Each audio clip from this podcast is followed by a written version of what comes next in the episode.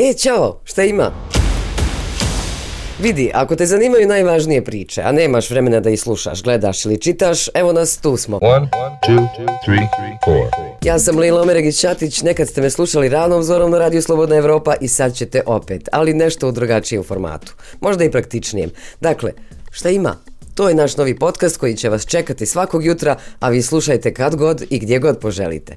Nisam sama, sa mnom je i Aida Đugum. Ćao Aida, šta ima? O čemu ćemo to?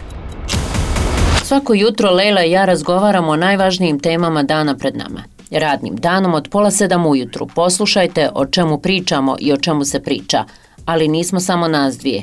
Tu će biti i Una Čilić. Nekada s nama, a nekad i sjene. Nego Una, šta ima? Nema ništa, ali bit će. Svakog jutra od pola sedam.